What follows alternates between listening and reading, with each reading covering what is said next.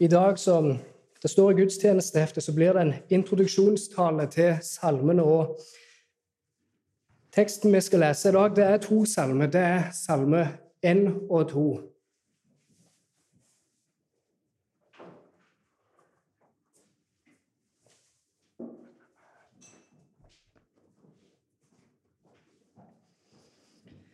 Salme 1 og 2. Hør Herrens ord. Salig er den mann som ikke vandrer etter ugudeliges råd, og som ikke står på synderes vei eller sitter på spotteres sete, men som har sin lyst i Herrens lov og grunner på Hans lov dag og natt. Han skal være lik et tre plantet ved strømmer av vann, som gir sin frukt i sin tid, og som har blader som ikke visner, og alt han gjør, skal lykkes. Slik er det ikke med de ugudelige. De er lik agnene som vinden blåser bort. Derfor skal ikke de ugudelige bli stående i dommen, og heller ikke syndere i de rettferdiges menighet. For Herren kjenner de rettferdiges vei, men de ugudeliges vei fører til fortapelse. Også Salme 2. Hvorfor raser folkeslagene, og hvorfor planlegger folkene det som er nytteløst? Jordens konger stiller seg opp, og fyrstene råd, rådslår med hverandre mot Herren og mot Hans salvede, eh, mot hans salvede og de sier:" La oss rive deres bånd i stykker og kaste deres rep av oss. Han som troner i himlene, ler. Herren spotter dem. Så skal han tale til dem i sin vrede, og i sin dype harme skal han slå dem med angst. Men jeg, jeg har innsatt min konge på Sion, mitt hellige berg. Jeg vil kunngjøre rådslutningen. Herren har sagt til meg, du er min sønn, jeg har født deg i dag. Be meg, og jeg skal gi deg folkeslagene som din arv, og jordens ender til din eiendom. Du skal knuse dem med jernstav. Som pottemakerens leirkar skal du slå dem i stykker. Vær derfor kloke, dere konger. Ta imot formaning, dere jordens dommere. Tjen Herren med frykt og fry dere med beven. Kyss Sønnen for at han ikke skal bli vred, og dere går fortapt på veien. Når hans vrede et øyeblikk blir opptent. Salige er alle de som søker sin tilflukt hos ham. Så langt lesinga av Guds ord.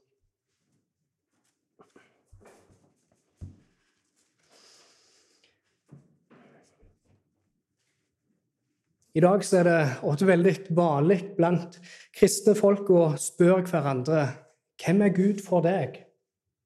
Eller en samles gjerne til ei bibelgruppe på en onsdagskveld og går gjennom en tekst. Og når en har lest gjennom teksten, så tar gjerne han som leder bibelgruppa og spør folk hva betyr disse versene for deg. Og Det er blitt en veldig vanlig måte blant dere kristne å snakke eller å spørre hverandre på denne måten. Hvem er Gud for deg, og hva betyr disse versene for deg? Vi lar det med det så ofte være opp til den enkeltes mening om hvem Gud er, eller hva Bibelen sier. Og Når en spør sånne spørsmål, så kan en på en måte ikke eh, helt prøve å korrigere svaret en får tilbake. For du har jo tross alt spurt i spørsmålet 'Hvem er Gud for deg?' Og Da vil de gjerne svare ut ifra hvordan de sjøl opplever Gud personlig. Og det kan ofte se veldig annerledes ut for folk.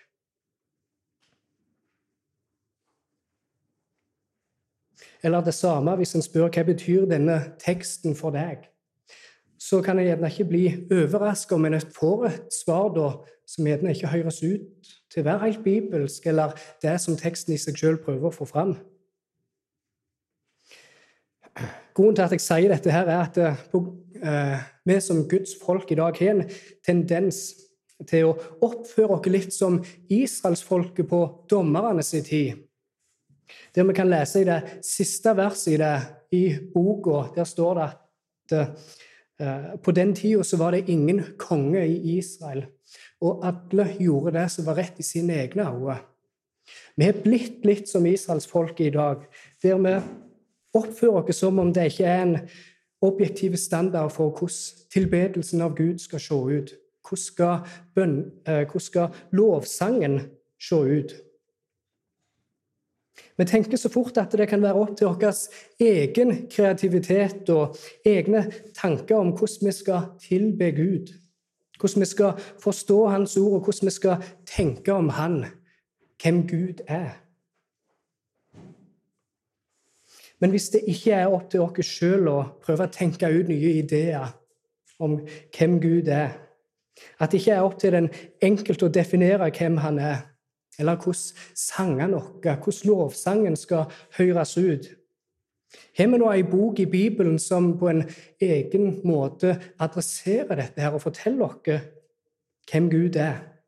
Hvordan, lovsangen skal være, og hvordan bønnene våre skal, eh, være, hva bønnene våre skal være preget av? Og til det så vil jeg si ja. Vi har, ei sånn ei bok, og det er Salmenes bok. Salmenes bok det er den boka i Bibelen som gir oss den mest omfattende åpenbaringen om hvem Gud er. Vi får lære mer om hvem Gud er, hva han har gjort, og hvordan vi også skal respondere til han. Og jeg vil også si at vi får et enda, eh, Hvis vi ønsker å få et større bilde av hvem Gud er, så er Salmenes bok den boka for oss å gå til for at vi skal lære å kjenne Gud mer. Salmenes bok er den beste plassen å starte. Og I dag så blir det en introduksjonstale til en serie vi skal ha litt framover, og gå gjennom salmene. I dag blir det en litt mer introduksjon, og det er tre spørsmål jeg har lyst til å stille dere sjøl i dag og prøve å svare på med denne talen. Det ene er hva slags bok er Salmenes bok? Det andre spørsmålet er hva er temaet i denne boka? Og det siste spørsmålet er hva kan vi lære av Salmenes bok?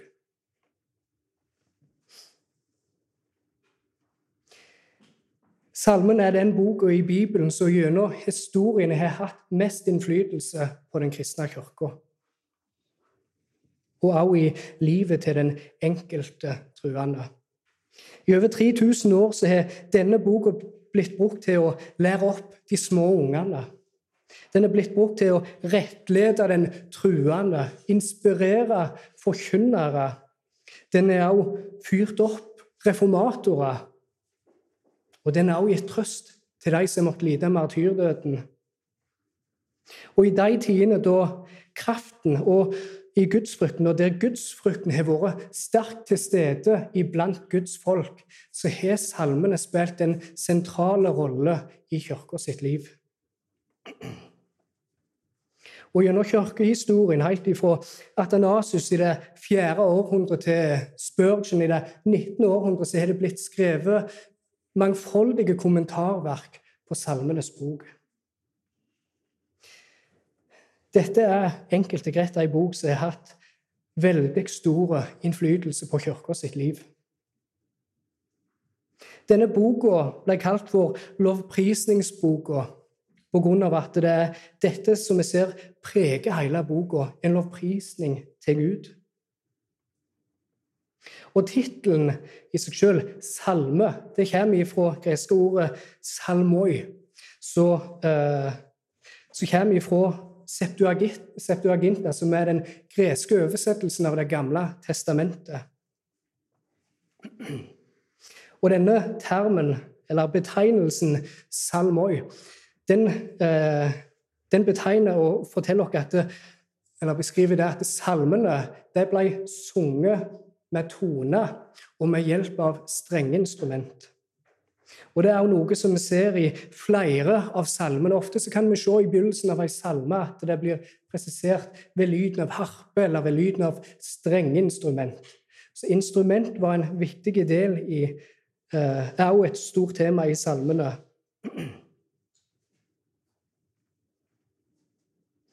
I forhold til romerbrevet som vi har gjennom, så er salmen ei annerledes bok med at den går inn under en annen type sjanger enn hva romerbrevet gjør.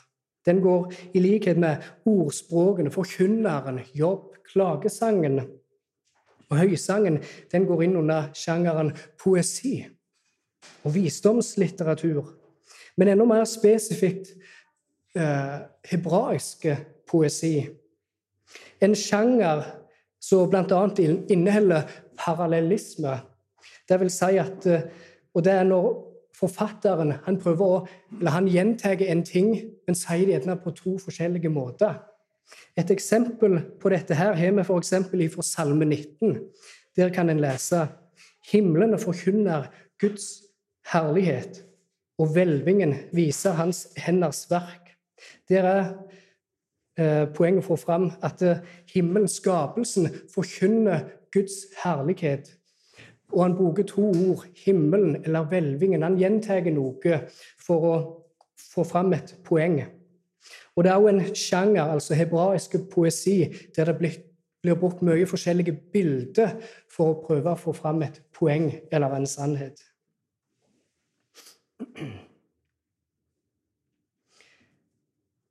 Salmenes bok det er en bok med 150 salmer som er delt inn i fem forskjellige bøker.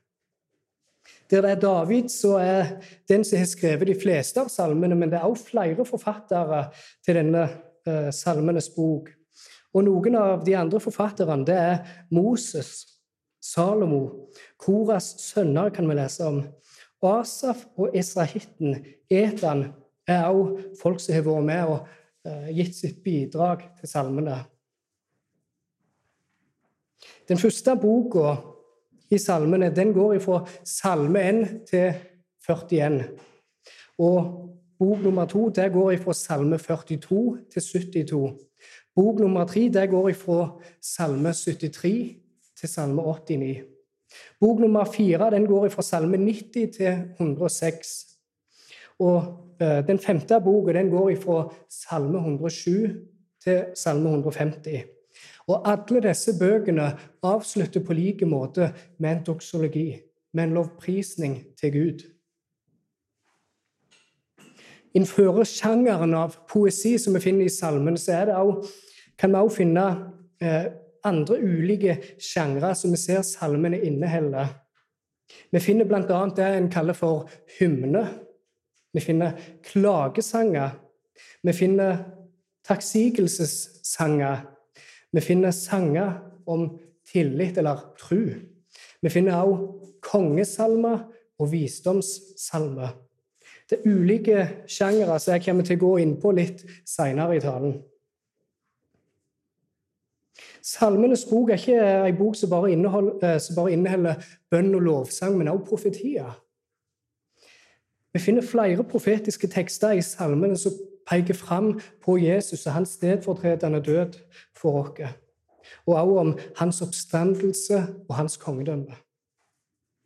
Jesus han er en viktig person i salmene. En frelseren som en dag skulle komme. Og Salme 22 for eksempel, er jo en av de mest kjente eh, eller den salm, messianske salmer som de fleste av gjerne kjenner til, så beskriver Jesus sin lidelse når han hang på korset. Der salmen begynner med at 'Min Gud, min Gud, hvorfor har du forlatt meg?' Akkurat det som Jesus sa når han hang på korset. Og Det står videre i Salme 22 at han stolte på Herren. La Herren redde ham. Nei, la ham redde ham, og la ham utfri ham, siden han har behag i ham. Og Det er jo det de skriftlærde sier når Jesus henger på korset. Og Det står videre i Salme 22 at eh, de deler mine klær mellom seg, og om min kjortel kaster de lodd. Og Det er jo det vi også kan se eh, i Matteus 27 om soldatene som kaster lodd om Jesus sin kjortel. Mange ganger så begynner gjerne de messianske salmene med David som reflekterer over sitt eget liv, der han uttrykker sin nød og sin lengsel, hvem han er trua av, og sin egen situasjon. Men så går det videre da til Davids sønn, til Messias. Så hele Det gamle testamentet, inkludert salmene, peker fram imot. Og Jesus sjøl sier jo noe veldig interessant om dette her.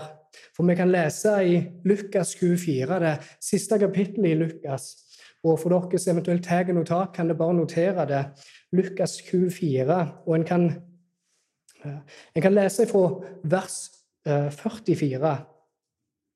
Eh, det er når Jesus åpenbarer seg for sine disipler, og han sier til dem Så sa han til dem, dette er de ord som jeg talte til dere da jeg fremdeles var sammen med dere, at alt det skal oppfylles som er skrevet om meg i Moseloven, profetene og salmene. Og han åpnet deres forstand, så de kunne forstå Skriftene. Salmene de taler om Jesus. De profeterer om han, og de peker fram imot hans komme, da han skulle komme og lide en stedfortredende død for syndere. Og denne Messias og salmene peker fram imot, det var blant jødefolk i gammeltestamentlig tid. Det var til store trøst for dem, for salmene ga dem visshet om at en dag skulle det komme en frelser. En dag skulle han komme, han som Gud hadde lovt. Et herlig løfte som de kunne se fram til. Salmenes bok det er en interessant bok på mange måter. Både med tanke på hva slags bok det er. Det er en lovprisningsbok. Andre har også kalt det en bønnebok. Og Det er en bok som gir oss et innblikk i Davids liv. Hans tanker, hans situasjon, hans glede, hans frykt og hans sorg. Vi får se så mange aspekter av Davids liv, hvordan han åpner seg opp for Gud. Salmene det er en bok som gir oss den mest omfattende åpenbaringen om hvem Gud er. Og den gir oss et frampek på eh, Jesus sitt forsoningsverk og hans herredømme på jord.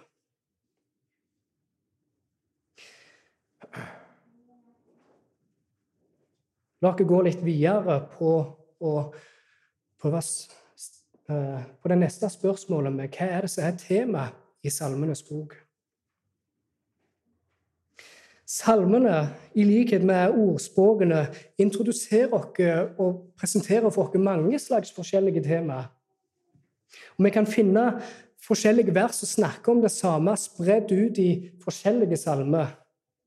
Så det er ikke sånn nødvendigvis at eh, det som Salme 1 skriver om, det er det ingen andre salmer som skriver noe om, eller sier noe om. Men vi kan finne ofte lignende vers som går igjen i forskjellige salmer. Men grunnen til at vi i dag leste både Salme 1 og 2 som dagens tekst, er på grunn av at eh, jeg vil si at disse to salmene beskriver for oss hva som er det overordna temaet for hele Salmenes bok. Salme 1 den forteller oss om en salig mann som ikke vandrer etter ugudelige sitt råd, men som har sin lyst i Herren sin lov og grunner på den dag og natt. Den forteller oss hva slags velsignelse som blir tilregnet en sånn mann.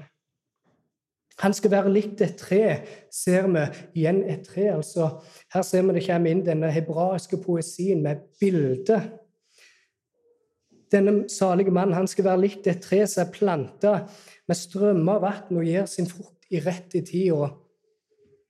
Eh, og han har blader som ikke skal visne, og alt han gjør, skal lykkes. I motsetning til den ugudelige, som vi også kan lese om i salmene. Den ugudelige han, han er lik Agnos som blåser vekk, og han går fortapt. Den som holder seg vekke fra den ugudelige og hans råd, og den som har sin lyst i Herren, Herren sin lov, og grunner på Hans lov dag og natt, det er han som er den salige. Salme 1 det gir oss grunnlaget for hva som er formålet med Salmenes bok. Nemlig det å være en manual for oss for, for det å grunne på Guds lov sånn at vi kan oppleve at vi kan leve i denne saligheten. Jeg kan gjenta den. Salme 1 gir oss grunnlaget for hva som er formålet med salmene. At det skal være en manual for oss hvordan vi kan grunne på Guds lov. Salme 2, som vi også leste, det presenterer også for oss det som er et overordna tema, og budskap for denne boka, om den guddommelige konge, himmelens og jordens skaper, som regjerer gjennom sin Messias, som kommer ifra Davids ett. Salmen begynner med å stille et spørsmål om et folk som er i opprør mot Gud, og spør hvorfor raser de mot Gud. Hvorfor raser folkeslagene? Hvorfor planlegger de det som er nytteløst? De vil ikke leve under Guds herredømme. De vil ha vekk hans lover og forskrifter. De vil ikke ha noe å gjøre med hans Messias. De vil forkaste han og ha han vekk. De vil prøve å styrte hans kongedømme. Men det er nytteløst, som vi kan lese. Det er nytteløst for dem. De vil ikke ha framgang. De er ikke sterkere enn Gud. Og det står at Gud ser ned på dem for si trone, og han lærer av dem i deres forsøk på å avkaste hans kongedømme. De vil ikke ha framgang, de vil ikke kunne styrte Guds herredømme. For Gud han har innsatt sin konge på Sion, Jesus Kristus. Dette her er med å tale om Jesus sitt komme til jorda, tale om noe som skal skje. Uh, tale om noe uh, som skulle skje. Men forfatteren her han skriver om det på en måte som om det allerede har skjedd. Han sier at 'jeg har innsatt min konge'. Gud har gitt et løfte om at det skulle komme en som skulle frelse og regjere. Og ingen, menneske, og ingen menneskelige rike er i stand til å kunne styrte dette riket. Men han, altså Jesus, han har fått all makt. Gud har lovt sånn at han skulle få alle folkeslaget som arv og jorda som sin eiendom. Og Misjonsbefalingen forteller oss at det er jo nettopp det Jesus kom for. Han er blitt gitt all makt i himmel og på jord. Og han sier det, gå derfor ut og gjør alle folkeslag til hans disipler. Og formaninga til kongene og jordens dommere, det er kyss sånn. Bøy kne for kongenes konge. Salig er hver den som tar sin tilflukt til han. Det er dette altså Salmen 1 og 2, presenterer for oss hva som er, de, hva som er det overordna temaet gjennom hele boka. Og Det kan oppsummeres på en enkel måte ut ifra disse to salmene. Livet i glede og i hellighet under herredømmet til Gud og hans Messias.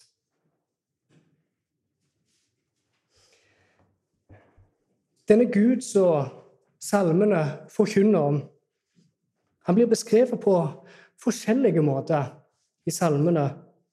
Vi får et bilde på Gud som konge, Gud som en kriger og Gud som en festning. Gud han er en konge som sitter og regjerer ifra si trone, som vi bl.a. kan lese ifra Salme 93. Han er den som gir mennesket sin lov, og det kan vi også lese i Salme 93.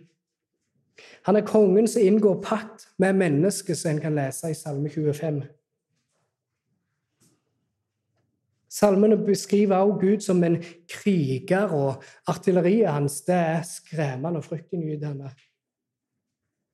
Salme 18 for eksempel, sier det at eh, fra stråleglansen foran ham brøt hans mørke skyer fram med hagl og glødende kull. I himmelen tordnet Herren, og den høyeste hevet sin røst hagl og glødende kull. Og Salme 24, ei messianske salme, der salmisten spør hvem er det som får stige opp på Herrens berg. Hvem får stige opp på Herrens berg? Jo, det er herlighetens konge. Det er Jesus. Han får stige opp på Herrens berg. Og vers 8 i Salme 24 sier, Hvem er denne herlighetens konge? Herren sterk og mektig, Herren mektig i strid. Gud han er ikke noe pasifist. Han er en Gud som kjemper for sitt folk. Gud han blir også beskrevet som ei klippe for de som søker sin tilflukt hos han. Og igjen kan vi lese fra Salme 18. Den begynner med 'Herren er min klippe, min festning og min redningsmann'. Min Gud, min klippe, den jeg tar min tilflukt til, mitt skjold og min frelseshorn, min borg. Gud blir beskrevet som et skjulested for de som tar sin tilflukt hos han, som en festning som ingen klarer å rokke. Gud blir beskrevet på mange forskjellige måter i salmene. Selv om jeg vil si at eh, Salme 1 og 2 oppsummerer for oss hva som er det overordna temaet i denne boka,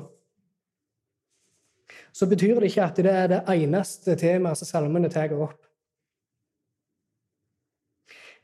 Det er en del forskjellige temaer vi kan finne i salmene, og det er en del temaer som vi kan få ut ifra de forskjellige litterære sjangrene som er i salmene. Og da er jeg litt tilbake på de forskjellige sjangrene som jeg nevnte tidligere, der vi har bl.a. det som kalles for en hymne. Det er en type sang som er skrevet når alt er godt. Og det, er så en, det som gjør at de er veldig lett gjenkjennelige, disse hymnene, det er at de er preget av en sprudlende lovprisning til Gud for at alt er godt.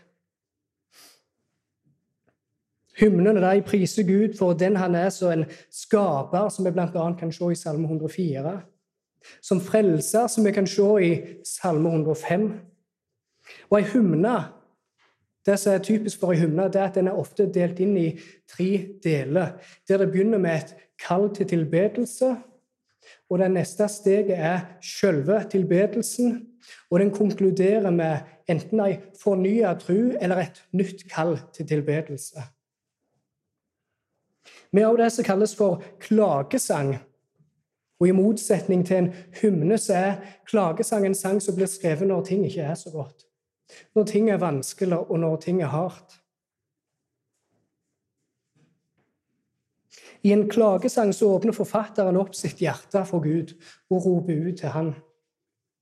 Og Dette ser vi jo flere tilfeller av, spesielt i Davids salmer. Når han var i nød, og når han var omringet av fiender rundt seg, når han kjente på sorg over sin synd, så skrev han det som kan kalle for klagesanger. Eksempler på dette her, det har vi bl.a. fra Salme 55, Salme 64 og Salme 71. Med flere òg, men jeg nevnte bare disse tre for å nevne noen for dere.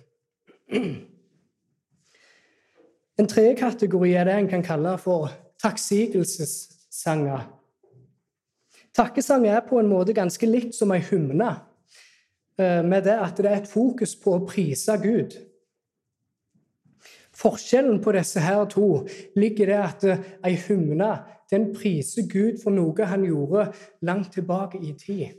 Altså Ei hymne kan uh, prise Gud pga. at han leda israelsfolket ut av slaveri i Egypt og gjennom Rødehavet.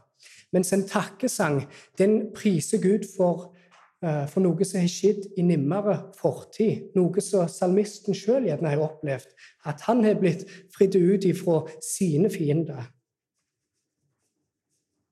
Og Et godt eksempel på en sånn type eh, tak, eh, takkesalme, det er Salme 116. En fjerde kategori er det en kan kalle salme av tillit eller tru. Midt imellom klagesang og takkesang så finner vi salmer som uttrykker tru og tillit til Gud. I noen av disse salmene kan vi også finne et problem men fokuset i disse salmene ligger ikke i å snakke om hvor store disse problemene er, hvor stort det tynger de, men heller å uttrykke en stor tillit til Gud, til Gud som er villig og er i stand til å frelse og redde ut ifra denne faren. Og Et eksempel på en salme, eh, på salme som det, det har vi i Salme 16, og 23 og 27. En femte kategori er det en kaller for kongesalme. Kongedømme er et viktig tema i salmene. Gud er universets konge. Han har fokus i de aller fleste av salmene. Men David òg som konge i Israel er òg et fokus i andre salmer. Og det er noen salmer som virkelig setter fokus på dette her, på kongedømmet. Som f.eks. Salme 47, som er en ren lovprisning av Gud og hans herredømme. At han er konge, han er konge ved hele jorda. Han er den høyeste av alle. Han er fryktinngytende, og han er hersker over alle folkeslag. Andre eksempel på salmer som fokuserer på dette guddommelige kongedømmet, det er bl.a. salme 24, 29 og 48. Men vi har også eksempel på salmer som handler mer om det, kongen, nei, det menneskelige kongedømmet til David, som f.eks. salme 20, 21 og 45. Så har vi også noe som kalles for visdomssalme. Denne sjangeren finner vi også i annen visdomslitteratur, som i ordspråkene f.eks. Det som er fokus der, det er å hvordan anvende sannheter i vårt liv. Og Det er også med å sette opp en kontrast mellom den rettferdige sin sti og den ugudelige sin vei. Sette opp en kontrast mellom den vise og dåren. Og den visdomssalmene viser oss hva det vil si, og hvordan skal vi frykte Gud. Eksempel på dette er Salme 1, som vi har lest i dag, men vi har også Salme 19, 32 og 34.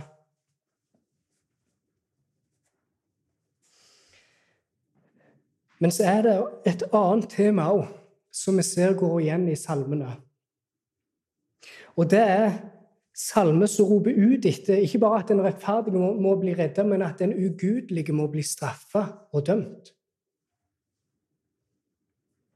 Og for meg å si at uh, det er salmer som roper ut etter straff over den ugudelige, og kan egentlig være en liten underdrivelse av meg å bruke det ordet.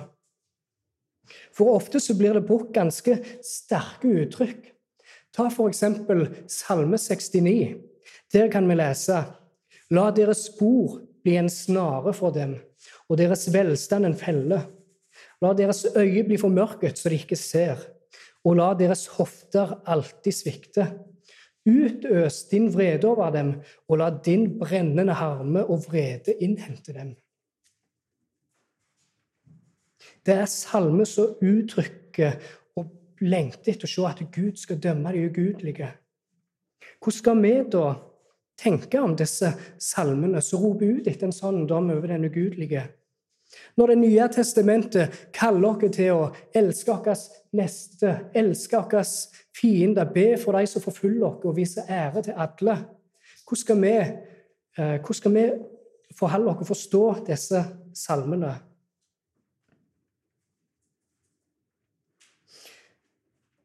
Noe som jeg vil si er viktig å ta med i betraktning, det er at når vi synger eller ber salmene, så synger vi og vi ber til Jesus. Han er objektet av salmene. Og For at salmene vi ber eller synger, skal kunne bli til velsignelse i vårt liv, så må vi synge det i tro til Jesus. Dette betyr at eh, vi har ingen rett til å bruke disse salmene som uttrykker og ber om en dom over den ugudelige. Vi har ingen rett til å bruke disse salmene som en personlig, og uttrykke en personlig hevn over, uh, over de som f.eks. gikk og skrapte opp bilen vår. Vi har ingen rett til å bruke det som en slags voodoo-dokke for å prøve å gjøre skade på vår neste. Vi kan ikke bruke dem til egen vinning. Men Gud han har etablert en måte for at hans fiender og de uh, våre fiender skal bli knuste og beseira. Og det er med evangeliet. Det er med evangeliet. Gud øyelegger sine fiender på den måten at eh, de dør med Jesus sin død, og de står opp igjen med Jesus sin oppstandelse. De står opp igjen til et nytt liv. Det er dette Gud har gjort for oss, for vi som er her, og det er dette vi bør ønske for de som står imot oss. Å be på en sånn måte så dette er ikke bare en gammeltestamentlig ting som forsvant med Det nye testamentet. For vi ser jo Paulus både i Efeserbrevet og Kolosserbrevet formane menigheten til å synge salmene. Til å synge alle salmene. Til og med de salmene som uttrykker en sånn dom. Men tenk òg evangeliet som vi forkynner. Det forkynner det at eh, den som tror, skal bli frelst, men den som ikke tror, skal få Guds dom. Så det er et aspekt av dom i evangeliet vi òg forkynner.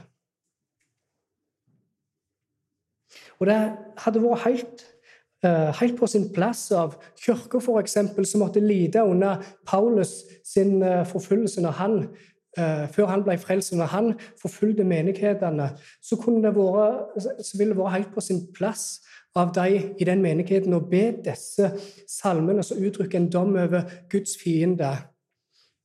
Og gjorde de det, ja, så fikk de det svaret. Gud knuste Paulus òg på veien til Damaskus. Gud beseira Paulus da. Og han ga han nytt liv. Reiste han opp igjen. Med korte ord så vil jeg si det det er sånn vi bør tenke over disse salmene, som uttrykker en dom over de ugudelige. At eh, den dommen vi må ønske de skal få, det er at eh, de skal bli knust av evangeliet. Deres stolthet og deres opprør imot Gud skal bli knust, og at de skal komme under Jesus sitt herredømme og bli frelst. Det er sånn vi bør tenke om disse salmene. Det er det som bør være målet for oss, med de som står imot dere.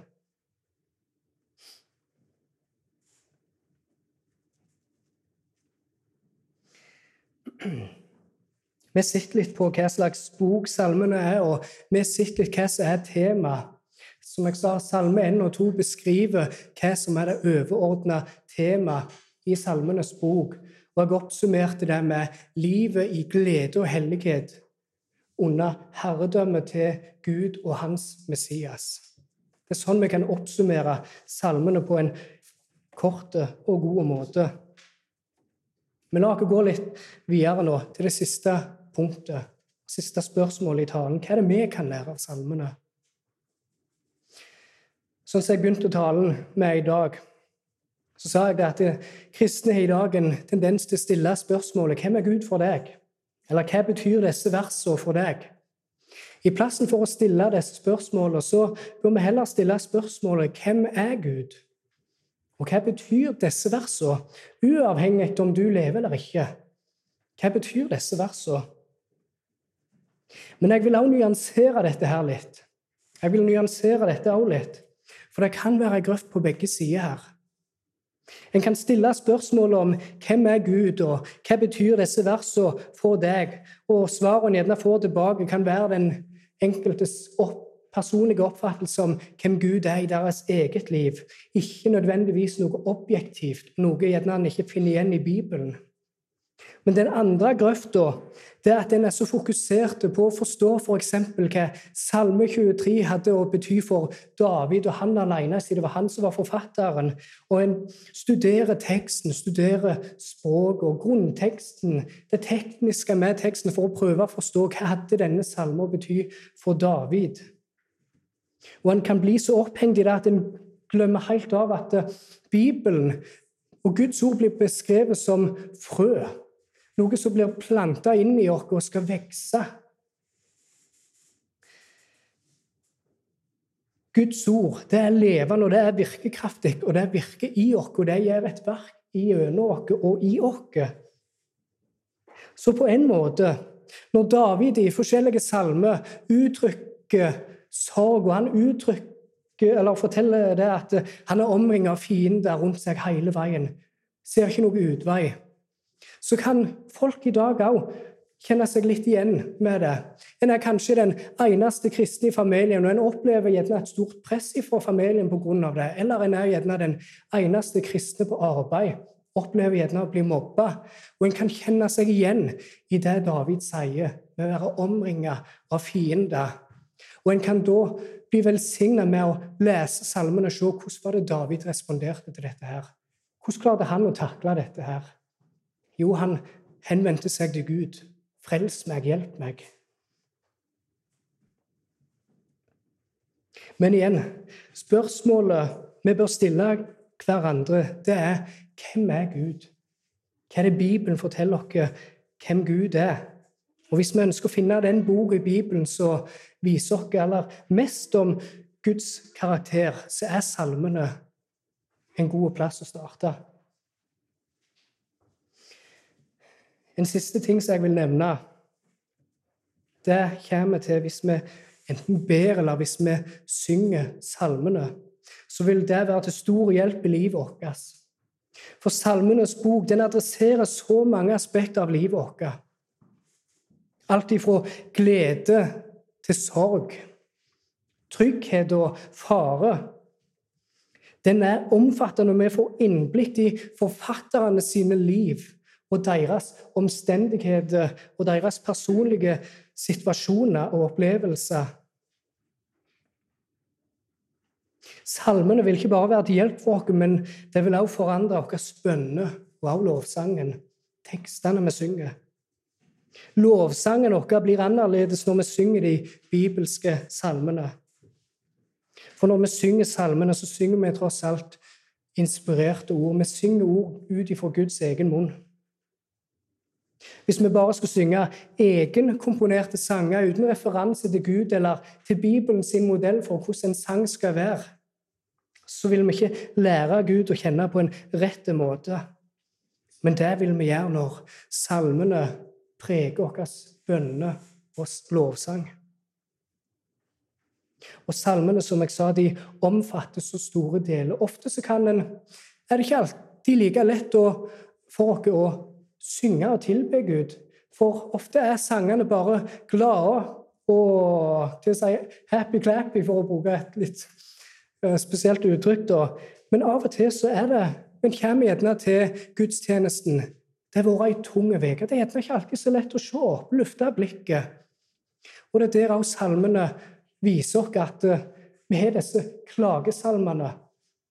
Vi kan med disse sangene faktisk klage til Gud. Vi kan ikke klage på Gud, for vi har ingen rett og vi ingen grunnlag for å klage på Gud, for han gjør alt som er godt. Men vi kan komme med det vi sliter med, til Gud.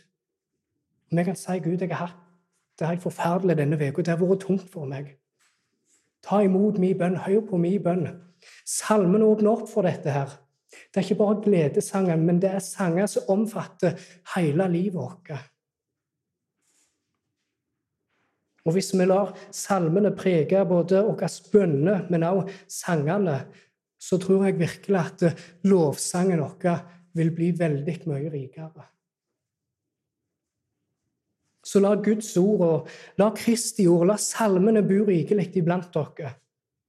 Sånn at dere kan undervise og formane hverandre og synge i deres hjerte for Gud.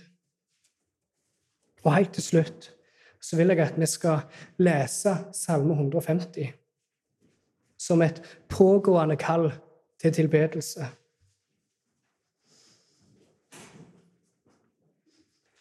Siste salme, salme 150. Hør Herrens ord. Lov Herren. Lov Gud i Hans helligdom. Lov ham i Hans mektige hvelving. Lov ham for Hans mektige gjerninger. Lov ham etter Hans fullkomne storhet.